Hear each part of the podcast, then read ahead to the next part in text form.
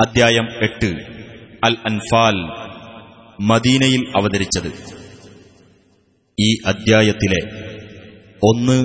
നാൽപ്പത്തിയൊന്ന് എന്നീ സൂക്തങ്ങളിൽ യുദ്ധാർജിത സ്വത്തുക്കളെ സംബന്ധിച്ച് പരാമർശിച്ചതുകൊണ്ടാണ് അദ്ധ്യായനാമം ഇപ്രകാരമായത്. بسم الله الرحمن الرحيم يسألونك عن الأنفال قل الأنفال لله والرسول فاتقوا الله وأصلحوا ذات بينكم وأطيعوا الله ورسوله إن كنتم مؤمنين നബിയെ നിന്നോടവർ യുദ്ധത്തിൽ നേടിയ സ്വത്തുക്കളെപ്പറ്റി ചോദിക്കുന്നു പറയുക യുദ്ധത്തിൽ നേടിയ സ്വത്തുക്കൾ അള്ളാഹുവിനും റസൂലിനുമുള്ളതാകുന്നു അതിനാൽ നിങ്ങൾ അള്ളാഹുവെ സൂക്ഷിക്കുകയും നിങ്ങൾ തമ്മിലുള്ള ബന്ധങ്ങൾ നന്നാക്കി തീർക്കുകയും ചെയ്യുക നിങ്ങൾ വിശ്വാസികളാണെങ്കിൽ അള്ളാഹുവേയും അവന്റെ റസൂലിനെയും നിങ്ങൾ അനുസരിക്കുകയും ചെയ്യുക إنما المؤمنون الذين إذا ذكر الله وجلت قلوبهم وإذا تليت عليهم آياته زادتهم إيمانا وعلى ربهم يتوكلون അള്ളാഹുവെപ്പറ്റി പറയപ്പെട്ടാൽ ഹൃദയങ്ങൾ പേടിച്ച് നടുങ്ങുകയും അവന്റെ ദൃഷ്ടാന്തങ്ങൾ വായിച്ചു കേൾപ്പിക്കപ്പെട്ടാൽ വിശ്വാസം വർദ്ധിക്കുകയും തങ്ങളുടെ രക്ഷിതാവിന്റെ മേൽ ഭരമേൽപ്പിക്കുകയും ചെയ്യുന്നവർ മാത്രമാണ് സത്യവിശ്വാസികൾ الذين يقيمون الصلاة ومما رزقناهم ينفقون നമസ്കാരം മുറ പോലെ നിർവഹിക്കുകയും നാം നൽകിയിട്ടുള്ളതിൽ നിന്ന് ചെലവഴിക്കുകയും ചെയ്യുന്നവർ أولئك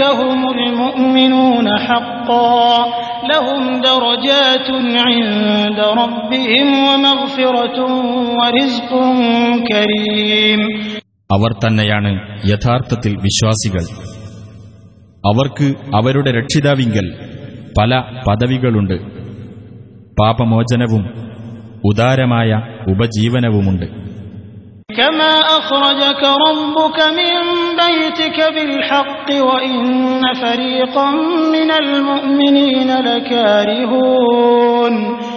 വിശ്വാസികളിൽ ഒരു വിഭാഗം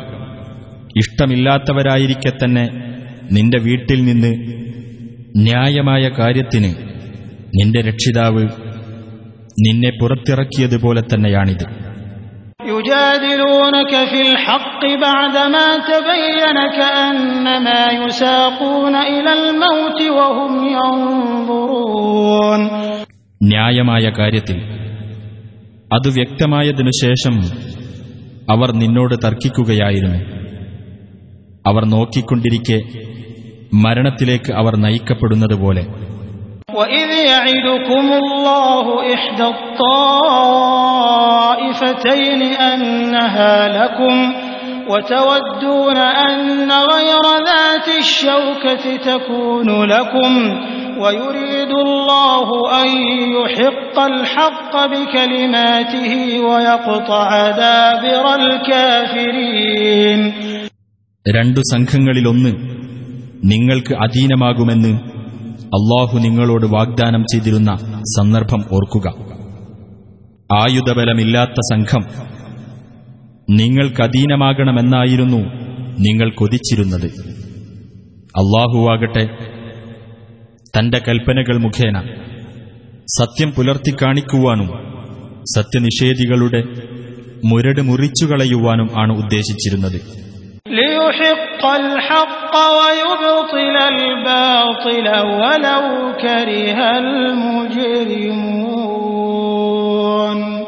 സത്യത്തെ സത്യമായി പുലർത്തേണ്ടതിനും അസത്യത്തെ ഫലശൂന്യമാക്കി തീർക്കേണ്ടതിനുമത്രേ അത്. ദുഷ്ടന്മാർക്ക് അതെത്ര അനിഷ്ടകരമായാലും ശരി. إذ تستغيثون ربكم فاستجاب لكم أني ممدكم بألف من الملائكة مردفين നിങ്ങൾ നിങ്ങളുടെ രക്ഷിതാവിനോട് സഹായം തേടിയിരുന്ന സന്ദർഭം ഓർക്കുക തുടരെ തുടരെയായി ആയിരം മലക്കുകളെ അയച്ചുകൊണ്ട് ഞാൻ നിങ്ങൾക്ക് സഹായം നൽകുന്നതാണ് എന്ന് അവൻ അപ്പോൾ നിങ്ങൾക്കു മറുപടി നൽകി وما جعله الله إلا بشرى ولتطمئن به قلوبكم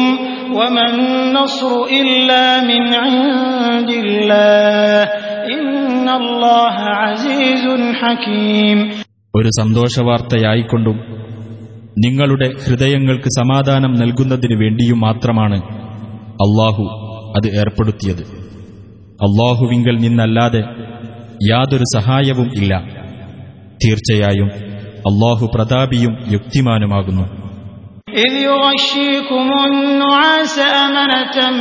منه وينزل عليكم من السماء ماء ليطهركم به ويذهب عنكم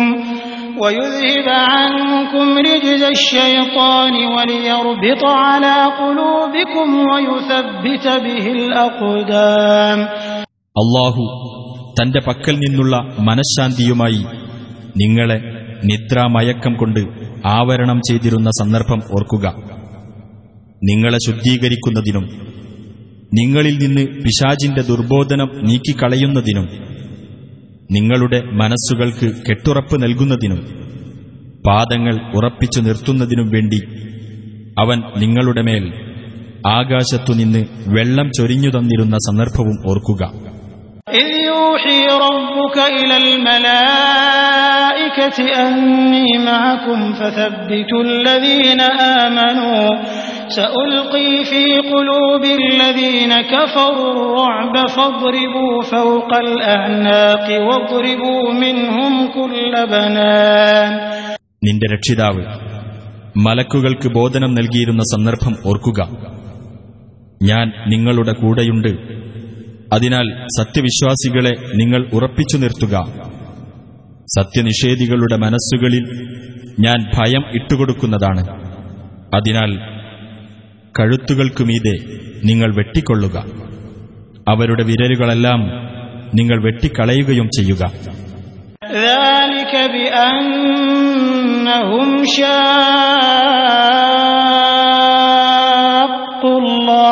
ഹുംഷൂല ومن يشاقق الله ورسوله فإن الله شديد العقاب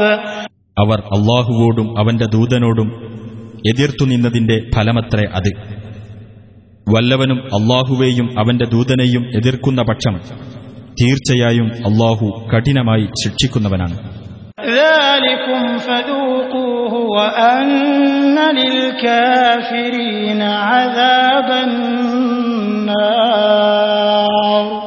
അതാ അതു നിങ്ങൾ ആസ്വദിച്ചുകൊള്ളുക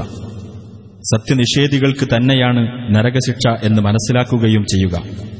يا أيها الذين آمنوا إذا لقيتم الذين كفروا زحفا فلا تولوهم الأدبار സത്യവിശ്വാസികളെ സത്യനിഷേധികൾ പടയണിയായി വരുന്നത് നിങ്ങൾ കണ്ടാൽ നിങ്ങൾ അവരിൽ നിന്ന് പിന്തിരിഞ്ഞോടരുത് ومن يولهم يومئذ دبره إلا متحرفا لقتال أو متحيزا إلى فئة أو متحيزا إلى فئة فقد باء بغضب من الله ومأواه جهنم وبئس المصير യുദ്ധതന്ത്രത്തിനായി സ്ഥാനം മാറുന്നതിനോ സ്വന്തം സംഘത്തോടൊപ്പം ചേരുന്നതിനോ അല്ലാതെ അന്ന് അവരിൽ നിന്ന് അഥവാ ശത്രുക്കളുടെ മുമ്പിൽ നിന്ന് വല്ലവനും പിന്തിരിഞ്ഞു കളയുന്ന പക്ഷം അവൻ അള്ളാഹുവിൽ നിന്നുള്ള കോപത്തിനു പാത്രമായിരിക്കുന്നതും അവന്റെ സങ്കേതം നരകമായിരിക്കുന്നതുമാണ്. ചെന്നുചേരാൻ കൊള്ളരുതാത്ത സ്ഥലമത്രേ അത്. فلم تقتلوهم ولكن الله قتلهم وما رميت إذ رميت ولكن الله رمى ولكن الله رمى وليبلي المؤمنين منه بلاء حسنا إن الله سميع عليم എന്നാൽ നിങ്ങൾ അവരെ കൊലപ്പെടുത്തിയിട്ടില്ല പക്ഷേ അള്ളാഹുവാണ് അവരെ കൊലപ്പെടുത്തിയത്. നബിയെ നീ എറിഞ്ഞ സമയത്ത് നീ എറിഞ്ഞിട്ടുമില്ല. പക്ഷേ അള്ളാഹുവാണ് എറിഞ്ഞത്. തന്റെ ഭാഗത്തു നിന്നുള്ള ഗുണകരമായ ഒരു പരീക്ഷണത്തിലൂടെ അള്ളാഹു സത്യവിശ്വാസികളെ പരീക്ഷിക്കുന്നതിനു വേണ്ടിയായിരുന്നു അത്. തീർച്ചയായും അള്ളാഹു എല്ലാം കേൾക്കുന്നവനും അറിയുന്നവനുമാണ്.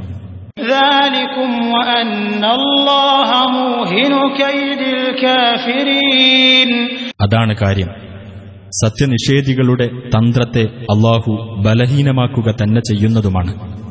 إن تستفتحوا فقد جاءكم الفتح وإن تنتهوا فهو خير لكم وإن تعودوا نعد ولن تغني عنكم فئتكم شيئا ولو كثرت وأن الله مع المؤمنين സത്യനിഷേധികളെ നിങ്ങൾ വിജയമായിരുന്നു തേടിയിരുന്നതെങ്കിൽ ആ വിജയമിതാ നിങ്ങൾക്ക് വന്നു കഴിഞ്ഞിരിക്കുന്നു നിങ്ങൾ വിരമിക്കുകയാണെങ്കിൽ അതാണ് നിങ്ങൾക്കുത്തമം നിങ്ങൾ ആവർത്തിക്കുകയാണെങ്കിലോ നാമും ആവർത്തിക്കുന്നതാണ് നിങ്ങളുടെ സംഘം എത്ര എണ്ണ കൂടുതലുള്ളതാണെങ്കിലും അത് നിങ്ങൾക്ക് ഉപകരിക്കുകയേ ഇല്ല. അള്ളാഹു സത്യവിശ്വാസികളുടെ കൂടെ തന്നെയാണ്.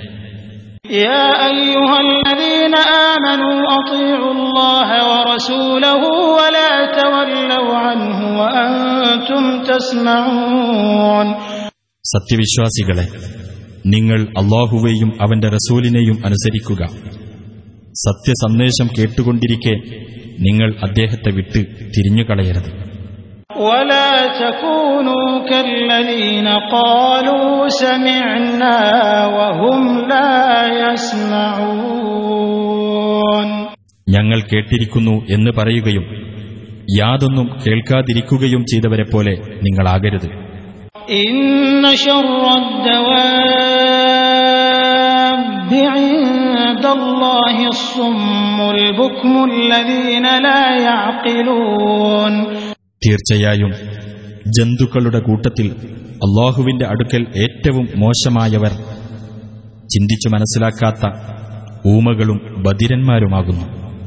ولو علم الله فيهم خيرا لأسمعهم ولو أسمعهم لتولوا وهم معرضون അവരിൽ വല്ല നന്മയുമുള്ളതായി അള്ളാഹു അറിഞ്ഞിരുന്നുവെങ്കിൽ അവരെ അവൻ കേൾപ്പിക്കുക തന്നെ ചെയ്യുമായിരുന്നു അവരെ അവൻ കേൾപ്പിച്ചിരുന്നെങ്കിൽ തന്നെ അവർ അവഗണിച്ചുകൊണ്ട് തിരിഞ്ഞുകളയുമായിരുന്നു يا أيها الذين آمنوا استجيبوا لله وللرسول إذا دعاكم لما يحييكم واعلموا أن الله يحول بين المرء وقلبه وأنه إليه تحشرون നിങ്ങൾക്ക് ജീവൻ നൽകുന്ന കാര്യത്തിലേക്ക് നിങ്ങളെ വിളിക്കുമ്പോൾ സത്യവിശ്വാസികളെ നിങ്ങൾ അള്ളാഹുവിനും റസൂലിനും ഉത്തരം നൽകുക മനുഷ്യനും അവന്റെ മനസ്സിനും ഇടയിൽ അള്ളാഹു മറയിടുന്നതാണ് എന്നും അവങ്കലേക്ക് നിങ്ങൾ ഒരുമിച്ച് കൂട്ടപ്പെടുമെന്നും നിങ്ങൾ അറിഞ്ഞുകൊള്ളുക واتقوا فتنة لا تصيبن الذين ظلموا منكم خاصة واعلموا أن الله شديد العقاب ഒരു പരീക്ഷണം അഥവാ ശിക്ഷ വരുന്നത് നിങ്ങൾ സൂക്ഷിച്ചുകൊള്ളുക അത് ബാധിക്കുന്നത് നിങ്ങളിൽ നിന്നുള്ള അക്രമികൾക്ക് പ്രത്യേകമായിട്ടാവുകയില്ല അള്ളാഹു കഠിനമായി ശിക്ഷിക്കുന്നവനാണെന്ന് നിങ്ങൾ മനസ്സിലാക്കുകയും ചെയ്യുക واذكروا إذ أنتم قليل مستضعفون في الأرض تخافون أن يتخطفكم الناس فآواكم فآواكم وأيدكم بنصره ورزقكم من الطيبات لعلكم تشكرون നിങ്ങൾ ഭൂമിയിൽ ബലഹീനരായി കെണിക്കപ്പെട്ടിരുന്ന കുറച്ചു പേർ മാത്രമായിരുന്ന സന്ദർഭം നിങ്ങൾ ഓർക്കുക ജനങ്ങൾ നിങ്ങളെ റാഞ്ചിയെടുത്ത് കളയുമെന്ന് നിങ്ങൾ ഭയപ്പെട്ടിരുന്നു എന്നിട്ട് അവൻ നിങ്ങൾക്ക് ആശ്രയം നൽകുകയും അവന്റെ സഹായം കൊണ്ട് നിങ്ങൾക്ക് പിൻബലം നൽകുകയും വിശിഷ്ട വസ്തുക്കളിൽ നിന്ന് നിങ്ങൾക്ക് ഉപജീവനം നൽകുകയും ചെയ്തു നിങ്ങൾ നന്ദിയുള്ളവരാകാൻ വേണ്ടി يا أيها الذين آمنوا لا تخونوا الله والرسول وتخونوا أماناتكم وأنتم تعلمون സത്യവിശ്വാസികളെ നിങ്ങൾ അള്ളാഹുവോടും റസൂലിനോടും വഞ്ചന കാണിക്കരുത് നിങ്ങൾ വിശ്വസിച്ചേൽപ്പിക്കപ്പെട്ട കാര്യങ്ങളിൽ അറിഞ്ഞുകൊണ്ട് വഞ്ചന കാണിക്കുകയും ചെയ്യരുത് واعلموا أنما أموالكم وأولادكم فتنة وأن الله عنده أجر عظيم നിങ്ങളുടെ സ്വത്തുക്കളും നിങ്ങളുടെ സന്താനങ്ങളും ഒരു പരീക്ഷണമാണെന്നും അള്ളാഹുവിങ്കലാണ് മഹത്തായ പ്രതിഫലമുള്ളതെന്നും നിങ്ങൾ മനസ്സിലാക്കുകയും ചെയ്യുക.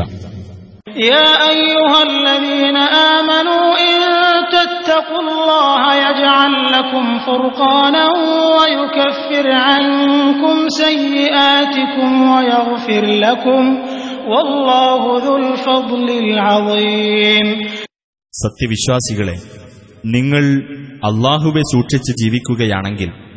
നിങ്ങൾക്ക് സത്യവും അസത്യവും വിവേചിക്കുവാനുള്ള കഴിവ് അവൻ ഉണ്ടാക്കിത്തരികയും അവൻ നിങ്ങളുടെ തിന്മകൾ മായ്ച്ചു കളയുകയും നിങ്ങൾക്ക് പൊറത്തു തരികയും ചെയ്യുന്നതാണ് അള്ളാഹു മഹത്തായ അനുഗ്രഹമുള്ളവനാകുന്നു وإذ يمكر بك الذين كفروا ليثبتوك أو يقتلوك أو يخرجوك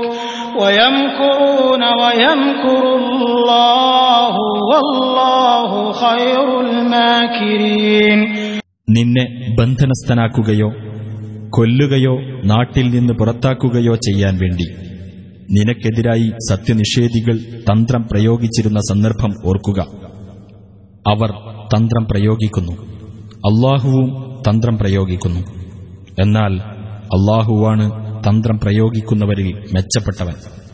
وإذا تتلى عليهم آياتنا قالوا قد سمعنا لو نشاء لقلنا مثل هذا إن هذا إلا أساطير الأولين നമ്മുടെ വചനങ്ങൾ അവർക്ക് ഓതി കേൾപ്പിക്കപ്പെടുമ്പോൾ അവർ പറയും ഞങ്ങൾ കേട്ടിരിക്കുന്നു ഞങ്ങൾ വിചാരിച്ചിരുന്നെങ്കിൽ ഇതുപോലെ ഞങ്ങളും പറയുമായിരുന്നു ഇത് പൂർവികന്മാരുടെ പഴങ്കഥകളല്ലാതെ മറ്റൊന്നുമല്ല وإذ قالوا اللهم إن كان هذا هو الحق من عندك فأمطر علينا حجارة فأمطر علينا حجارة من السماء أو ائتنا بعذاب أليم അള്ളാഹുവേ ഇതു നിന്റെ പക്കൽ നിന്നുള്ള സത്യമാണെങ്കിൽ നീ ഞങ്ങളുടെ മേൽ ആകാശത്തുനിന്ന് കല്ല് വർഷിപ്പിക്കുകയോ അല്ലെങ്കിൽ ഞങ്ങൾക്ക് വേദനാജനകമായ ശിക്ഷ കൊണ്ടുവരികയോ ചെയ്യുക എന്ന് അവർ അഥവാ അവിശ്വാസികൾ പറഞ്ഞ സന്ദർഭവും ഓർക്കുക وما كان الله ليعذبهم وأنت فيهم وما كان الله معذبهم وهم يستغفرون എന്നാൽ നീ അവർക്കിടയിൽ ഉണ്ടായിരിക്കെ അള്ളാഹു അവരെ ശിക്ഷിക്കുന്നതല്ല അവർ പാപമോചനം തേടിക്കൊണ്ടിരിക്കുമ്പോഴും അള്ളാഹു അവരെ ശിക്ഷിക്കുന്നതല്ല وما لهم ألا يعذبهم الله وهم يصدون عن المسجد الحرام وما كانوا أولياءه إن أولياؤه إلا المتقون ولكن أكثرهم لا يعلمون അള്ളാഹു അവരെ ശിക്ഷിക്കാതിരിക്കാൻ അവർക്ക് എന്ത് അർഹതയാണുള്ളത്? അവരാകട്ടെ മസ്ജിദുൽ ഹറാമിൽ നിന്ന് ആളുകളെ തടഞ്ഞുകൊണ്ടിരിക്കുന്നു. അവരാണെങ്കിൽ അതിന്റെ രക്ഷാധികാരികളല്ലതാനും. ഭയഭക്തിയുള്ളവരല്ലാതെ അതിന്റെ രക്ഷാധികാരികളാകാവുന്നതല്ല. പക്ഷേ അവരിൽ അധിക പേരും കാര്യം മനസ്സിലാക്കുന്നില്ല. وما كان صلاتهم عند البيت إلا مكاء وتصدية فذوقوا العذاب بما كنتم تكفرون ആ ഭവനത്തിന്റെ അഥവാ കഅബയുടെ അടുക്കൽ അവർ നടത്തുന്ന പ്രാർത്ഥന ചൂളം വിളിയും കൈകൊട്ടലുമല്ലാതെ മറ്റൊന്നുമായിരുന്നില്ല അതിനാൽ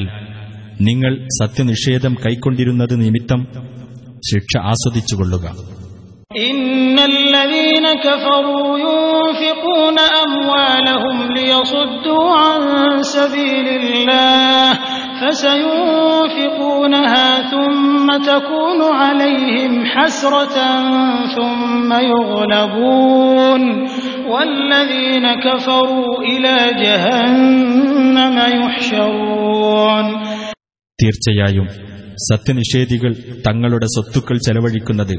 അള്ളാഹുവിന്റെ മാർഗത്തിൽ നിന്ന് ജനങ്ങളെ പിന്തിരിപ്പിക്കുവാൻ വേണ്ടിയത്രേ. അവർ അത് ചെലവഴിക്കും. പിന്നീട്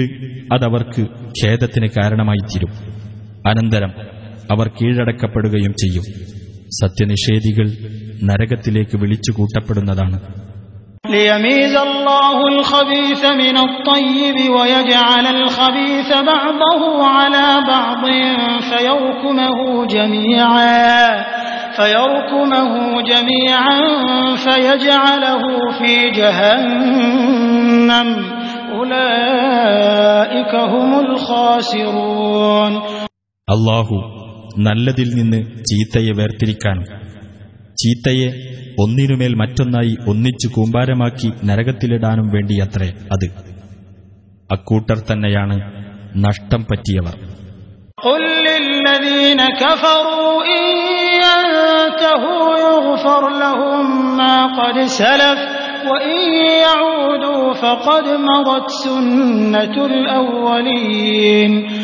സത്യനിഷേധികളോട്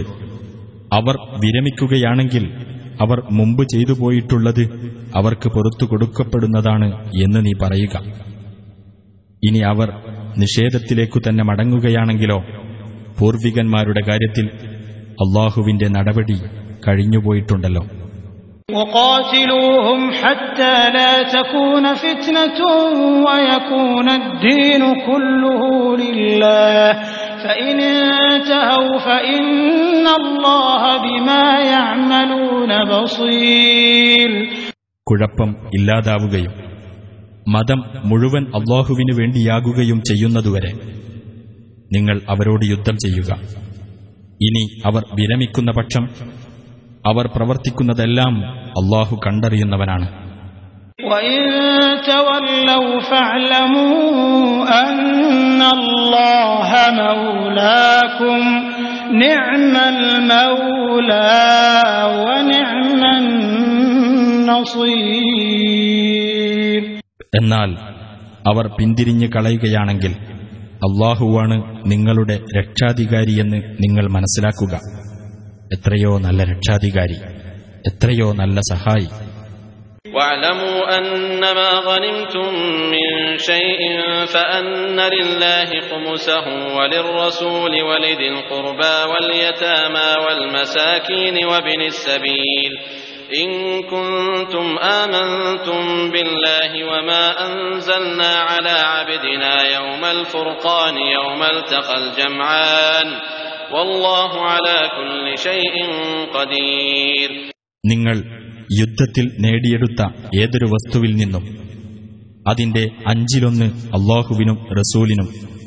റസൂലിന്റെ അടുത്ത ബന്ധുക്കൾക്കും അനാഥകൾക്കും പാവപ്പെട്ടവർക്കും വഴിപോക്കന്മാർക്കും ഉള്ളതാണെന്ന് നിങ്ങൾ മനസ്സിലാക്കുവിൻ. അള്ളാഹുവിലും സത്യാസത്യ വിവേചനത്തിന്റെ ദിവസത്തിൽ അഥവാ ആ രണ്ടു സംഘങ്ങൾ ഏറ്റുമുട്ടിയ ദിവസത്തിൽ നമ്മുടെ ദാസന്റെ മേൽ നാം അവതരിപ്പിച്ചതിലും നിങ്ങൾ വിശ്വസിച്ചു കഴിഞ്ഞിട്ടുണ്ടെങ്കിൽ അള്ളാഹു ഏതൊരു കാര്യത്തിനും കഴിവുള്ളവനാകുന്നു إذ أنتم بالعدوة الدنيا وهم بالعدوة القصوى والركب أسفل منكم ولو تواعدتم لاختلفتم في الميعاد ولكن ليقضي الله أمرا كان مفعولا ليهلك من هلك عن بينة ويحيى من حي عن بينة നിങ്ങൾ താഴ്വരയിൽ മദീനയോട് അടുത്ത ഭാഗത്തും അവർ അകന്ന ഭാഗത്തും സാർത്ഥവാഹക സംഘം നിങ്ങളെക്കാൾ താഴെയുമായിരുന്ന സന്ദർഭം ഓർക്കുക. നിങ്ങൾ അന്യോന്യം പോരിന് നിശ്ചയിച്ചിരുന്നുവെങ്കിൽ നിങ്ങൾ ആ നിശ്ചയം നിറവേറ്റുന്നതിൽ ഭിന്നിക്കുമായിരുന്നു. പക്ഷേ ഉണ്ടാകേണ്ട ഒരു കാര്യം അള്ളാഹു നിർവഹിക്കുന്നതിനു വേണ്ടിയായിരുന്നു അത് അതായത് നശിച്ചവർ വ്യക്തമായ തെളിവ് കണ്ടുകൊണ്ട് നശിക്കാനും ജീവിച്ചവർ വ്യക്തമായ തെളിവ് കണ്ടുകൊണ്ട് ജീവിക്കുവാനും വേണ്ടി തീർച്ചയായും അള്ളാഹു എല്ലാം കേൾക്കുന്നവനും അറിയുന്നവനുമാകുന്നു إذ يريكهم الله في منامك قليلا ولو أراكهم كثيرا لفشلتم ولتنازعتم في الأمر ولكن الله سلم إنه عليم بذات الصدور ശത്രുക്കളെ അള്ളാഹു നിനക്ക് നിന്റെ സ്വപ്നത്തിൽ കുറച്ചുപേർ മാത്രമായി കാണിച്ചു തന്നിരുന്ന സന്ദർഭം ഓർക്കുക നിനക്ക് അവരെ അധികമായി കാണിച്ചിരുന്നെങ്കിൽ നിങ്ങളുടെ ധൈര്യം ക്ഷയിക്കുകയും കാര്യത്തിൽ നിങ്ങൾ ഭിന്നിക്കുകയും ചെയ്യുമായിരുന്നു പക്ഷേ അള്ളാഹു രക്ഷിച്ചു തീർച്ചയായും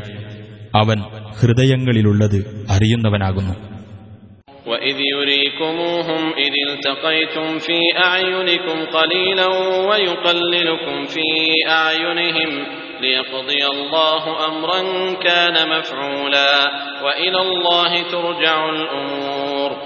നിങ്ങൾ കണ്ടുമുട്ടിയ സന്ദർഭത്തിൽ നിങ്ങളുടെ ദൃഷ്ടിയിൽ നിങ്ങൾക്ക് അവരെ അവൻ കുറച്ച് മാത്രമായി കാണിക്കുകയും അവരുടെ ദൃഷ്ടിയിൽ നിങ്ങളെ എണ്ണം കുറച്ചു കാണിക്കുകയും ചെയ്ത സന്ദർഭം ഓർക്കുക. നടക്കേണ്ടതായ ഒരു കാര്യം അള്ളാഹു നിർവഹിക്കുവാൻ വേണ്ടിയത്രേ അത്. അള്ളാഹുവിങ്കലേക്കാണ് കാര്യങ്ങൾ മടക്കപ്പെടുന്നത്.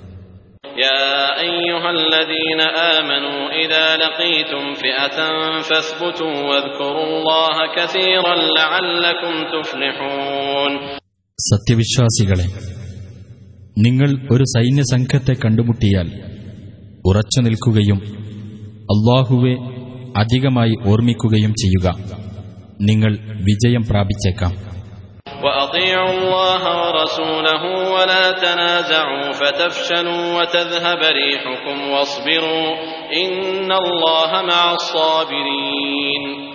അള്ളാഹുവേയും അവന്റെ ദൂതനെയും നിങ്ങൾ അനുസരിക്കുകയും ചെയ്യുക. നിങ്ങൾ ഭിന്നിച്ചു പോകരുത്.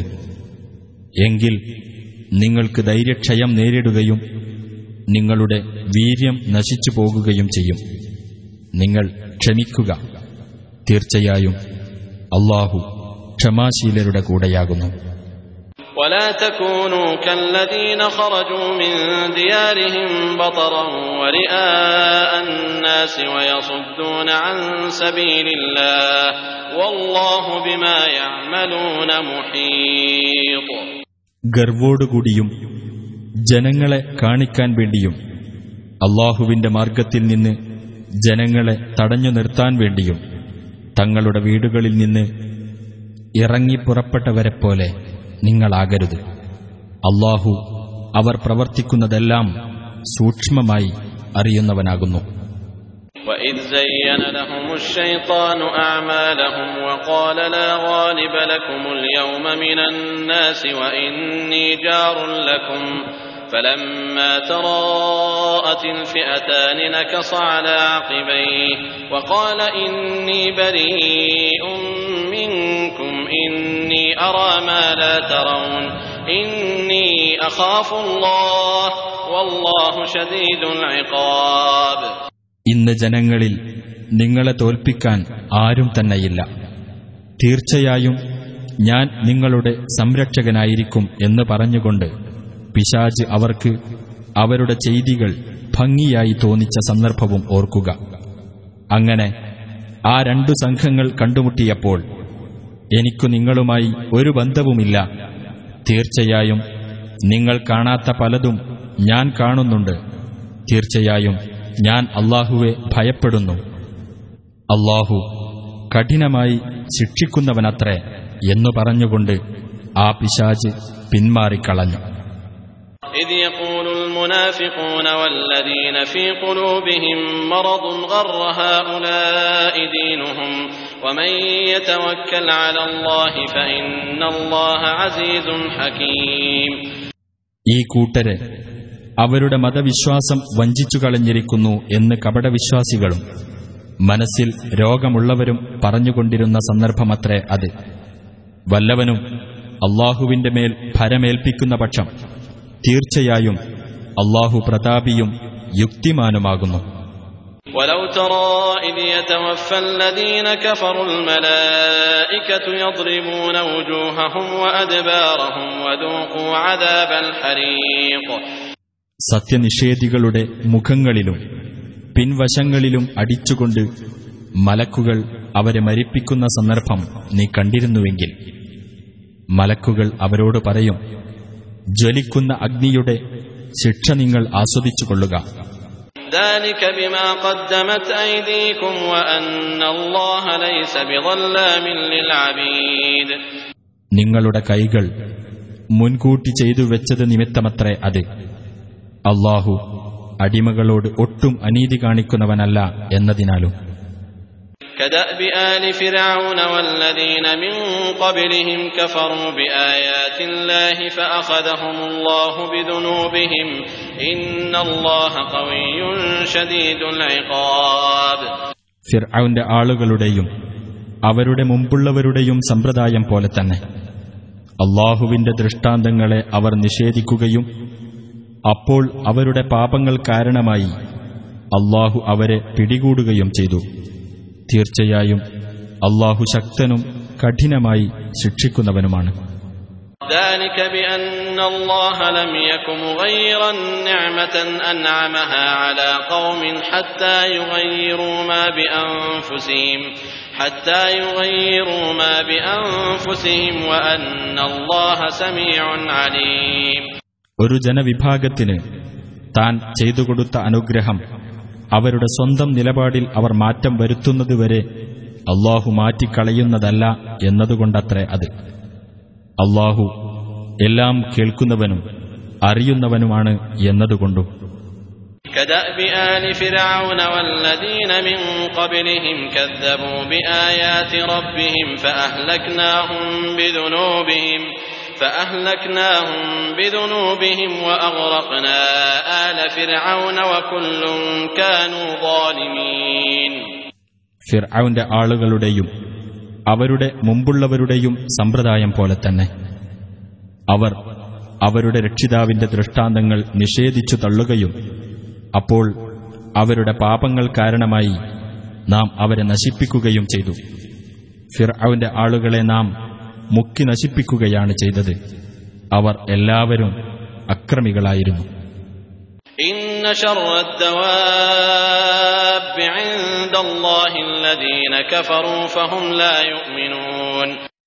തീർച്ചയായും അള്ളാഹുവിന്റെ അടുക്കൽ ജന്തുക്കളിൽ വെച്ച് ഏറ്റവും മോശപ്പെട്ടവർ സത്യനിഷേധികളാകുന്നു. ആകയാൽ അവർ വിശ്വസിക്കുകയില്ല. الذين عاهدت منهم ثم ينقضون عهدهم في كل مرة وهم لا يتقون അവരിൽ ഒരു വിഭാഗവുമായി നീ കരാറിൽ ഏർപ്പെടുകയുണ്ടായി എന്നിട്ട് ഓരോ തവണയും തങ്ങളുടെ കരാർ അവർ ലംഘിച്ചുകൊണ്ടിരുന്നു അവർ അള്ളാഹുവെ സൂക്ഷിക്കുന്നുമില്ല فإما تثقفنهم في الحرب فشرد بهم من خلفهم لعلهم يذكرون അതിനാൽ നീ അവരെ യുദ്ധത്തിൽ കണ്ടുമുട്ടിയാൽ അവർ കേൾപ്പിക്കുന്ന നാശം അവരുടെ പിന്നിൽ വരുന്നവരെയും കൂടി തിരിച്ചോടിക്കും വിധമാക്കുക അവർ ശ്രദ്ധിച്ചു മനസ്സിലാക്കിയേക്കാം وإما تخافن من قوم خيانة فانبذ إليهم على سواء إن الله لا يحب الخائنين വല്ല ജനവിഭാഗത്തിൽ നിന്നും വഞ്ചനയുണ്ടാകുമെന്ന് നീ ഭയപ്പെടുന്ന പക്ഷം തത്തുല്യമായി നീ അവരിലേക്ക് എറിഞ്ഞുകൊടുത്തേക്കുക തീർച്ചയായും അള്ളാഹു വഞ്ചകന്മാരെ ഇഷ്ടപ്പെടുകയില്ല ولا يحسبن الذين كفروا سبقوا إنهم لا يعجزون സത്യനിഷേധികളായ ആളുകൾ തങ്ങൾ അതിജയിച്ചു കഴിഞ്ഞിരിക്കുന്നു എന്ന് ധരിച്ചു പോകരുത് തീർച്ചയായും അവർക്ക് അള്ളാഹുവെ തോൽപ്പിക്കാനാവില്ല وأعدوا لهم ما استطعتم من قوة ومن رباط الخيل ترهبون به عدو الله وعدوكم ترهبون به عدو الله وعدوكم وآخرين من دونهم لا تعلمونهم الله يعلمهم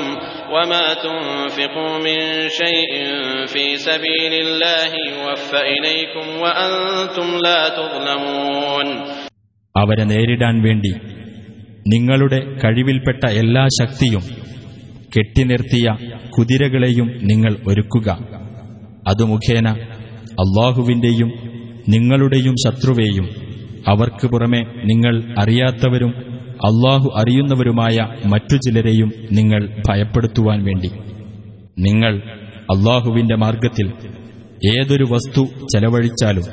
നിങ്ങൾക്കതിന്റെ പൂർണമായ പ്രതിഫലം നൽകപ്പെടും. നിങ്ങളോട് അനീതി കാണിക്കപ്പെടുന്നതല്ല.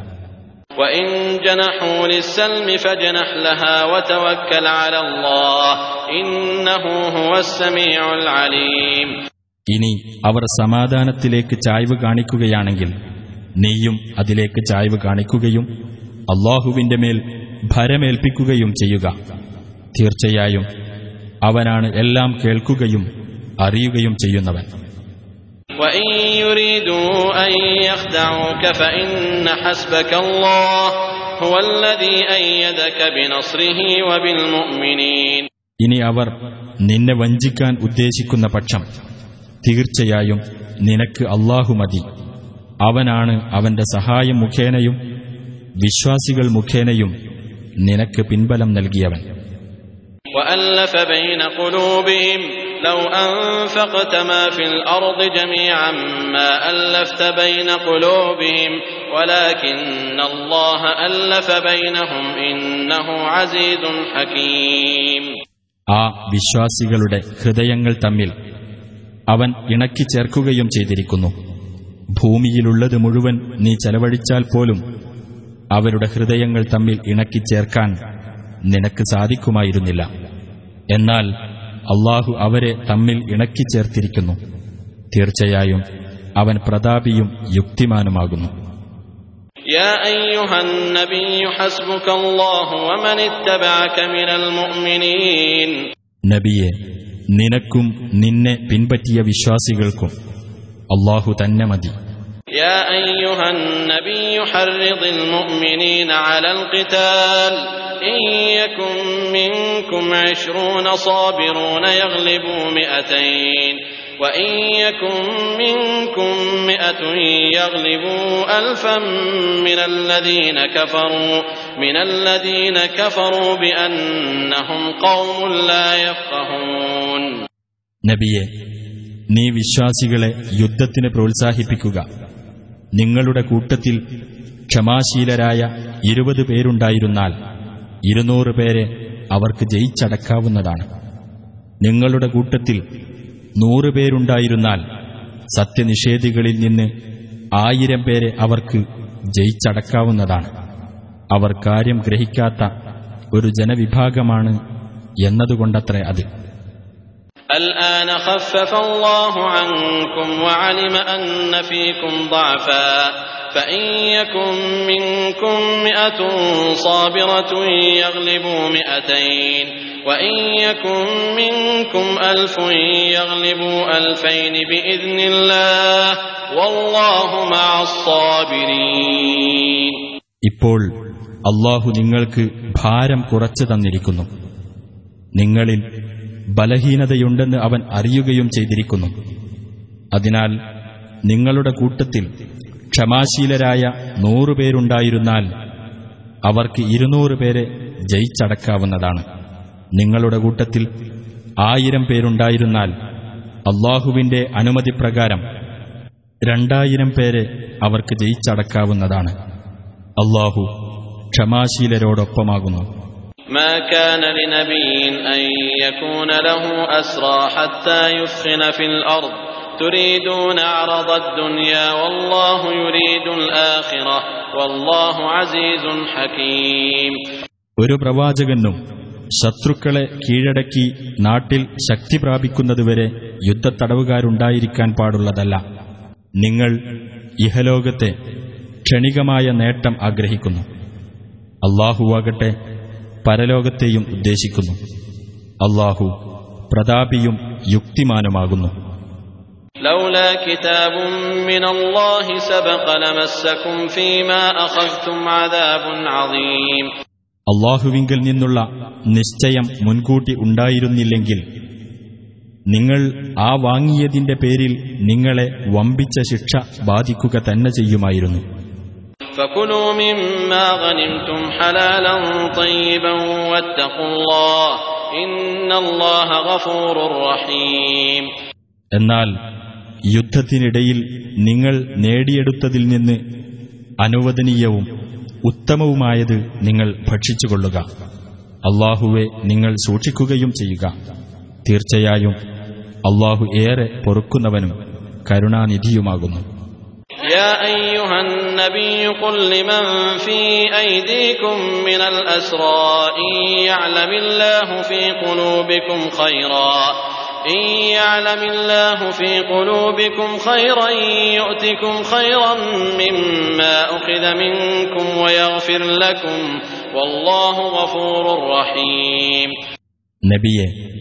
നിങ്ങളുടെ കൈവശമുള്ള യുദ്ധത്തടവുകാരോട് നീ പറയുക നിങ്ങളുടെ ഹൃദയങ്ങളിൽ വല്ല നന്മയുമുള്ളതായി അള്ളാഹു അറിയുന്ന പക്ഷം നിങ്ങളുടെ പക്കൽ നിന്ന് മേടിക്കപ്പെട്ടതിനേക്കാൾ ഉത്തമമായത് അവൻ നിങ്ങൾക്ക് തരികയും നിങ്ങൾക്ക് അവൻ പൊറത്തു തരികയും ചെയ്യുന്നതാണ്. അള്ളാഹു ഏറെ പൊറുക്കുന്നവനും കരുണാനിധിയുമാകുന്നു.